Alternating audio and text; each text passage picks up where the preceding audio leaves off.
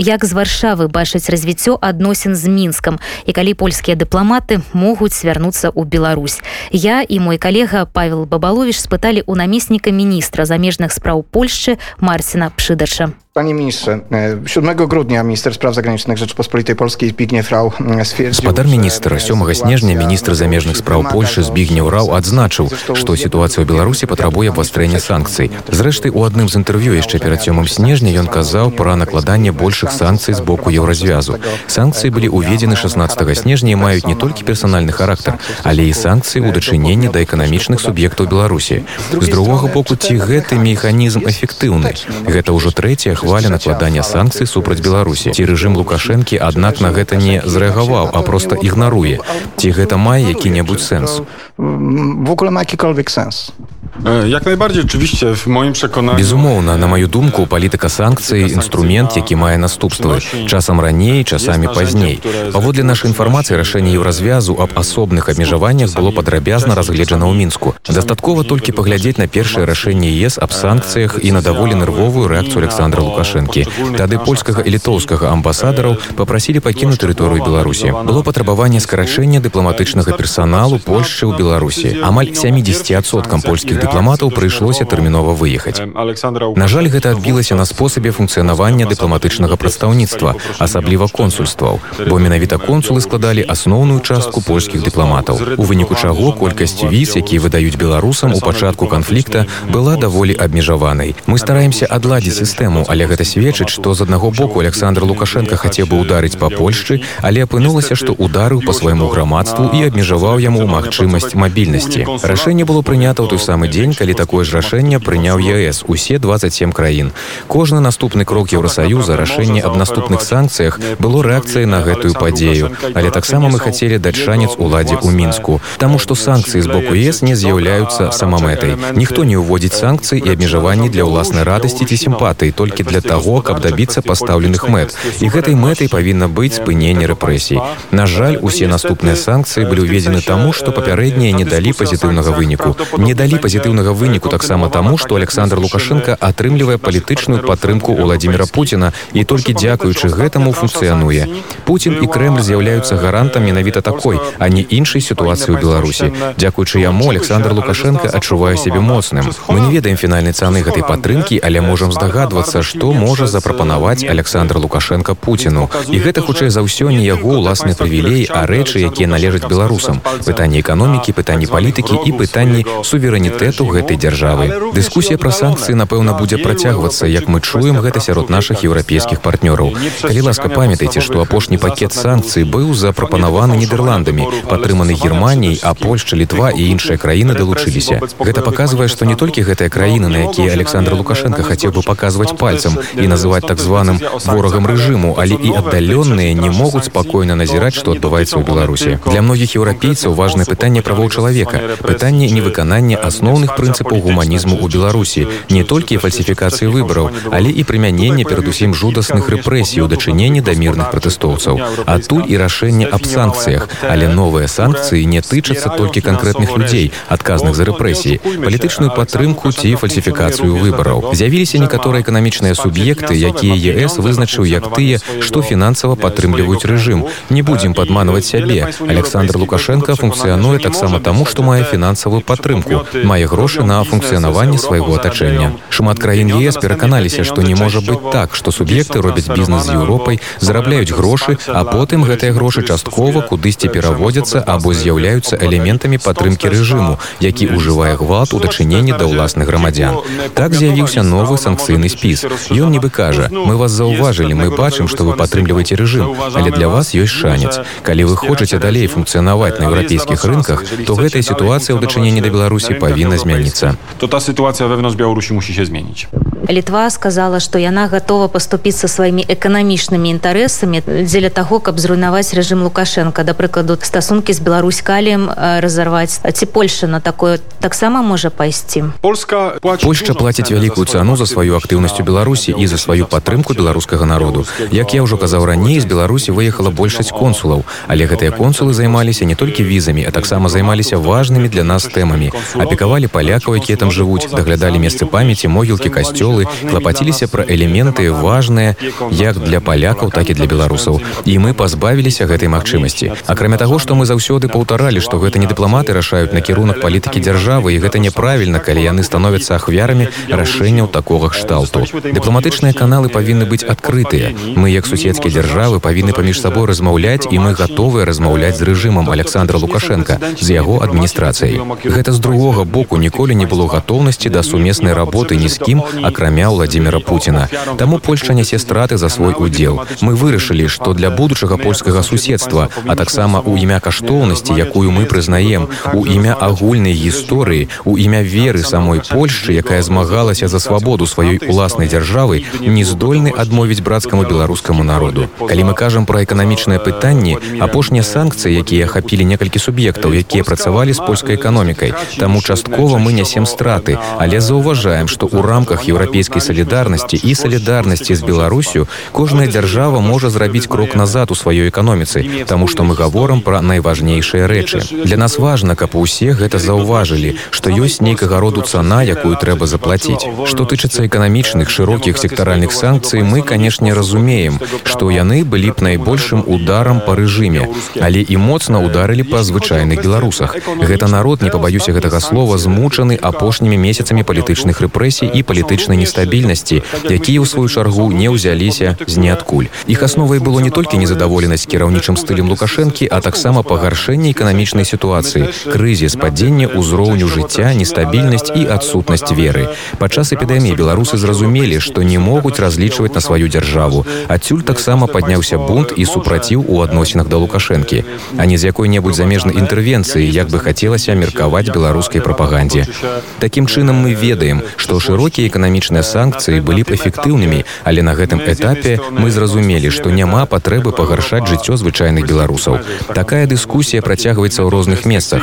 Гісторыя адносін паміж еўропай і беларусю або ЗША і беларусю паказвае што санкцыі напраўленыя на асобныя сферы эканомікі былі ўведзены я не ў стане прадбачыць да чаго гэтыя дэбаты прывядуць у будучым з аднаго боку на цяперашнім этапе мы як еўропа прымяняем абмежавальныя метады санкцый з другога ёсць і пазітыўныя элементы. Мы заклікаем да дыялогу запрашаем на размовы але і прапануем праграму на будучыню калі александр лукашенко сыдзе калі адбудуцца свабодныя выбары калі беларусы вырашаць будучыню сваёй дзяржавы. У ЕС ёсць гатовы эканамічны праект для беларусі каб рэалізаваць пазітыўны сцэнарый. Калі Росія прапануе грошы для падтрымкі а сапраўды кажучы на плату беларускіх крэдытаў рассіі то ЕС прапануе шырокі пакет падтрымкі беларускай эканомікі такой каб беларусам жылося лепш. Białorusinom żyło się lepiej. А вось які ўдзел Польшчы ў гэтым пакеце дапамогі беларусі? To przede wszystkim była inicjatywa Polski. To перадусім гэта была ініцыятыва польшчы. Гэтая ідэя нарадзілася ў міністэрстве замежных спраў і была пазней рэалізавана. Спадар прэм'ер-міністр маравецкі не толькі план зацвердзіў але і актыўна уключыўся ў яго прасоўванне. Мы пераканалі да падтрымкі спачатку партнёраў з вышаградскай групы таму што так працуе ЕС падтрымку трэба заваёўваць паступова. Хаця наших партнёраў нават не трэба было ўгаворваць да гэтага кожны ведае што Беларусь важная і што эканамічная падтрымка патрэбна у фінале такой дыпламатычнай кампаніі 27 краін ЕС прынялі гэтую праграму была створана камісія камісія апрацавала гэты план і ён гатоў да рэалізацыі але ў яго ёсць патрабаванне gotowy do, do wdrożenia, ale on jest uwarunkowany. Panie ministrze, e, wspomniał pan o tych konsekwencjach. гаспадар міністр вы узгадвалі пра наступствы для польшчы між іншымі эканамічныя наступствы але ёсць цэлая сфера звязаная з пытаннем ад'езду польскіх дыпламатаў з беларусі існаванні нацыянальнай польскай меншасці. Polska mniejszość mieszkająca na Białorusi y, to нацыянальная польская меншасць якая жыве ў беларусі этнічныя палякі якія з'яўляюцца грамадзянамі беларусі таксама хацелі перамен. Яны чакаюць змены і тут не ідзе гаворка толькі пра збліжэнне беларусі і польшчы а ўвогуле пра змены сацыяльнай палітычнай эканамічнай прыроды. Яны таксама бачаць што падтрымка такога тыпу з боку польшчы на жаль асацыіруецца з негатыўнай рэакцыяй і часткова на гэта згаджаюцца відавочны спосаб абмяжоўвання польскай дыпламатычнай прысутнасці а 70соткаў уплывае на меншы кантакт з палякамі ў беларусі. Трэба мець свядомасць што апошнія паўгады ўся Беларусь жыве адной тэмай. Жыве тэмай пратэстаў жыве тэмай жадання зменаў. Таму і мерапрыемстваў канцэртаў сустрэч арганізаваных польскім бокам відавочна меней у нас ёсць надзея што ўлада ў беларусі пераканаецца што дыпламаты патрэбныя што гэта не польша з'яўляецца прычынай унутранага непакою ў беларусі а гэтыя прычыны укрытыя глыбока ў самой структуры гэтай улады і ў структуры гэтай дзяржавы. Мы адкрытыя на тое каб нашыя дыпламаты і консулы як мага хутчэй вярнуліся на тэрыторыю беларусі таму што яны патрэбныя там як палякам так і беларусам. Дзякуючы польскім прадстаўніцтвам беларусы маглі падарожнічаць па еўропе а лукашенко хоча гэта абмежаваць закрыць свет перад беларусамі асабліва маладымі. Зважча przed młodymi białorusinami і працяг візавага пытання Святлана ціхановская заўсёды калі мае стасункі з Еўропай кажа што яе асноўная задача гэта адмяніць увогуле візы наколькі гэта рэальна. Проша памятаць же памятайце што безвізавы рэжым як правіла разглядаецца еўросаюзам для ўсходніх партнёраў. Гэта свайго роду не хацеў бы назваць узнагародаю але элементам які стымулюе больш цесную інтэграцыю больш цеснае супрацоўніцтва. У сітуацыі калі праводзяцца рэформы калі прымаюцца адпаведныя крокі да стварэння дэмакратычных дэмакратычнай прававой дзяржавы. Тады недзе напрыканцы рэформаў ёсць гэтая адкрытасць да прыезду грамадзянаў з той краіны. Так было ў выпадку з Украінай.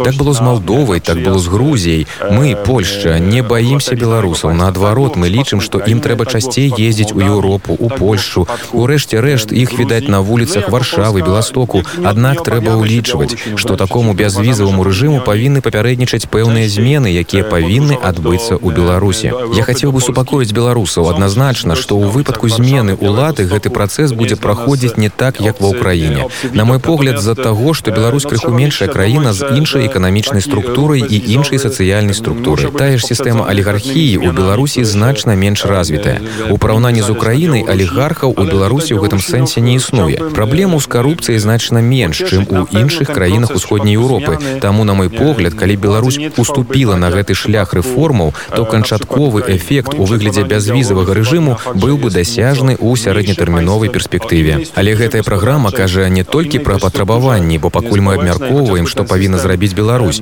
Ёсць таксама некаторыя элементы дапамогі, такія як стабілізацыйны мікрафінансавы пакет для эканомікі, але таксама розныя захады накіраваныя на стымуляванне эканамічных змен.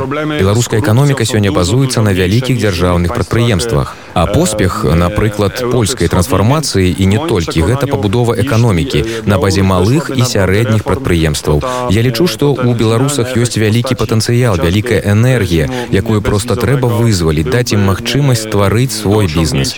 Я раблю гэтую выснову пасля аднаго назірання. Калі ласка, паглядзіце, як выглядае айти-сектор у Беларусі. Дастаткова было таго, што Александр Лукашенко крыху прачыніў дзверы і даў беларусам магчымасць паказаць, што яны могуць. І раптам высветлілася што гэты сектор стварае некалькі адсоткаў вуп хапіла крышку свабоды я лічу што ёсць шэраг іншых сектараў у якіх беларускі народ мог бы праявіць сябе яму просто патрэбны шанец зрабіць гэта. до таго шанса.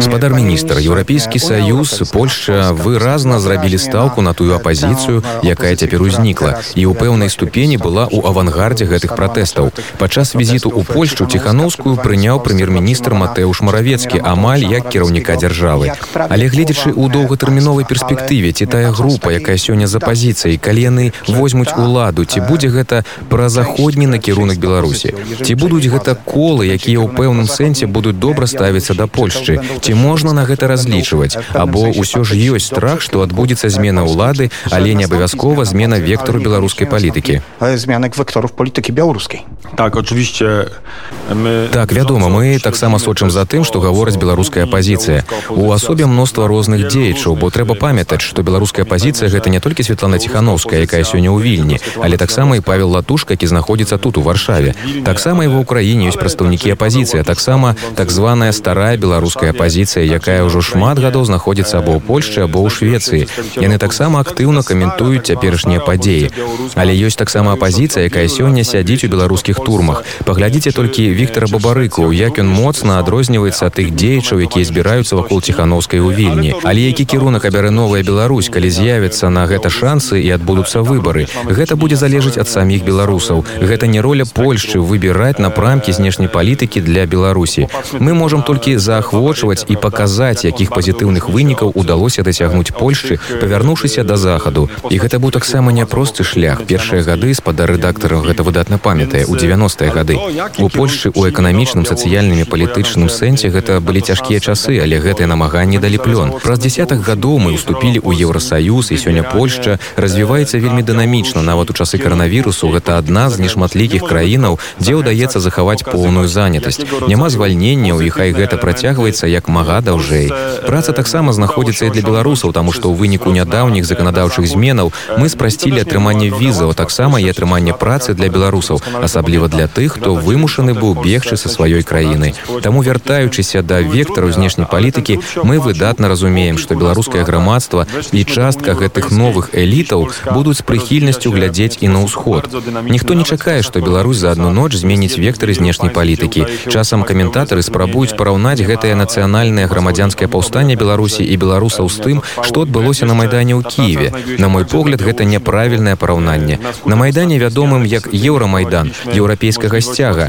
такі геапалітычны кірунак вельмі моцна прысутнічаў. У беларусі мы гэтага не назіраем. Беларусы просто хочуць лепшай улады новай адміністрацыі а накірункамі знешняй палітыкі яны будуць цікавіцца і будуць іх выбіраць у будучыні і я паважаю гэты выбор. На гэтым этапе няма сэнсу разважаць аб кірунках Магчыма яны захочуць праводзіць двухбаковую палітыку з аднаго боку цеснае супрацоўніцтва з рассіяй усё ж яны з'яўляюцца часткай военно-эканамічнага саюза нават саюзнай дзяржавай который владимир Путін у рэчаіснасці спрабуе выкарыстаць для поўнага панавання ў беларусі. Але з іншага боку ёсць народ які цягне на захад. І я не кажу што ў палітычным сэнсе але ў рэальным сэнсе ён фактычна галасуе нагамі бо тыя 400 тысяч візаў у год якія былі выдадзеныя яны не бяруцца з нічога.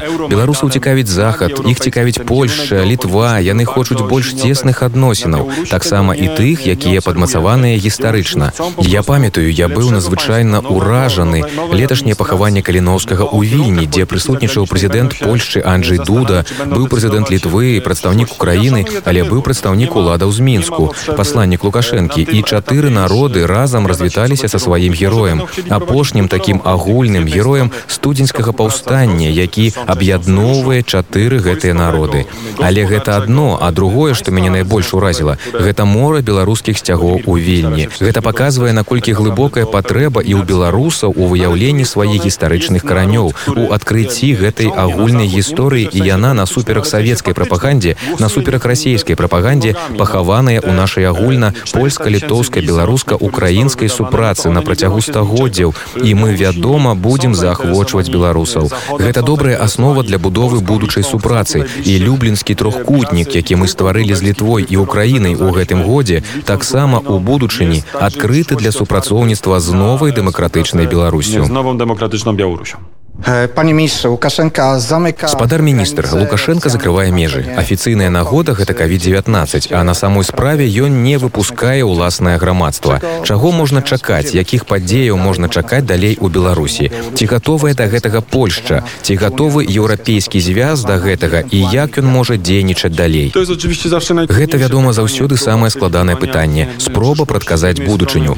З аднаго боку мы можам назіраць як пратэсты працягваюцца нягледзячы на сапраўды доўгі час. І я поўны захаплення беларускім народам бо ўжо прайшло больш за 120 дзён з дня выбараў а беларусы ўсё пратэстуюць яны пратэстуюць нягледзячы на рэпрэсіі яны пратэстуюць нягледзячы на страту працы страту магчымасцей нягледзячы на закрыццё межаў. Але яны мэтанакіраваныя і я веру што гэтыя пратэсты ў канчатковым выніку прывядуць да станоўчага эфекту па дзвюх прычынах. З аднаго боку гэтая сітуацыя унутранай нестабільнасці несумненна аслабляе ўладу ў мінску нават калі яна здаецца моцную калі цалкам кантралюе сітуацыю калі сілавыя структуры разганяюць пратэсты але ў сярэдзіне структуры ўлады ўвесь час ідзе дыскусія аб тым што рабіць далей і як доўга мы хочам захаваць гэты стан фактычна надзвычайны стан у беларусі. Калі мы пяройдзем да нармальнага функцыянавання дзяржавы калі будзем старацца вырашаць іншыя праблемы. Таму што гэта не так што падчас пратэстаў раптам перасталі існаваць іншыя праблемы якія ўлада павінна вырашыць эканамічныя сацыяльныя сацыяльныя аховы здароўя. Я перакананы што там у сярэдзіне вядуцца рознага роду дыскусіі. Ці выгадна нам па-ранейшаму падтрымліваць гэтую сістэму толькі таму што адзін чалавек хоча працягваць займаць пасаду кіраўніка нашай дзяржавы? Таму што я перакананы што ў беларускай адміністрацыі сярод беларускіх элітаў і у тым ліку і сёння пра лукашэнкаўскіх ёсць шмат беларускіх патрыётаў якія не хацелі б заняпаду сваёй краіны. І яны не хочуць паміраць толькі за пэўную ідэю якая называется александр лукашенко. Беларусь можа функцыянаваць і без яго гэта першы аргумент. А другі уся ўлада лукашэнкі падтрымліваецца сёння фактычна палітычным падтрыманнем москвы і падтрыманая рознымі іншымі элементамі алеі россии і мы бачым гэтае расчараванне гэту нецярплівасць нават падчас апошняга візіту лаўрова час ад часу мы бачым візіты москвы на высокім узроўні і нецярплівасць москвы ўзрастае таму што москва бачыць як працяглыя пратэсты ствараюць сярод беларусаў атмасферу варожасці да рассіі на працягу апошніх 200 гадоў беларусы знаходзяцца под уплывам прапаганды перадусім расійскай але і савецкай. Ёсць таксама вялікая група якая лічыць што гэтыя гістарычныя культурныя сувязі з рассіяй вельмі моцныя і гэта праўда. Але сёння беларусы і каб гэта сцвярджаць у нас ёсць звесткі і падставы пачынаюць задавацца пытаннем чаму мы павінны падтрымліваць гэты саюз з рассіяй гэтую беларуска-расійскую супрацу калі дзякуючы выключна владимиру путину і камандзе крамля александр лукашенко можа пасадзіць нас наших дзяцей у турму праводзіць рэпрэсіі і па сутнасці весці дзяржаву да абрыву москва ведае што гэтай тэндэнцыі гэтыя вектары сімпатыі разварочваюцца. Адтуль і так шмат ціску каб унесці нейкія змены. Ідзе дыскусія пра новую канстытуцыю якую таксама прыспешвае москва вядзецца дыскусія пра будучыню новых выбараў пошукі шляхоў накіравання гэтай сацыяльнай энергіі. Я перакананы што прыйдзе момант калі гэтая змена ў беларусі адбудзецца мы падтрымліваем па-першае свабодныя выбары каб органы абраныя на свабодных выбарах маглі прымаць рашэнні аб сістэме беларускай дзяржавы ў будучыні. Бо толькі такая дзяржава мае шанец функцыянаваць і называцца дэмакратычнай калі уся будучыня і сістэма гэтай дзяржавы будуць вынікаць з волі народа а не наадварот. Калі яна будзе навязвацца звонку і толькі такая сістэма мае шанец быць стабільнай у будучыні. Стабільным стабільным прышлосці пане міністра наша спадар міністра наша беларуская рэдакцыя радыё упісалася ў плынь старання вольнага беларускага грамадства і мы размаўляем у перадсвяточны перыяд што вы жадаеце нашим беларускім слухачам і беларускім журналістам так rzeczywiście за хвілі роз ужо хутка пачнецца святочны перыяд Божае нараджэнне новы год. варта памятаць што слухачы гэта таксама беларусы ў польшчы перадусім я зычу спакойных святаў наколькі яны могуць быць спакойнымі ў гэтай складанай сітуацыі. Каб праз гэты кароткі святочны час людзі маглі адчуць спакой і адсутнасць турботы за сваю будучыню за будучыню сваёй сям'і. Таксама зычу каб беларусь як мага лепш спраўлялася з праблемамі са здароўем з пандэміяй covid-19 здароўя для беларусаў. Мы усведамляем што рэальнасць нас здзіўляе і вельмі складаная для ўсяго свету але мае віншаванні не могуць пазбягаць пытанняў здароўя. Мы польша стараліся і далей стараемся пастаянна памагаць нашим беларускім партнёрам.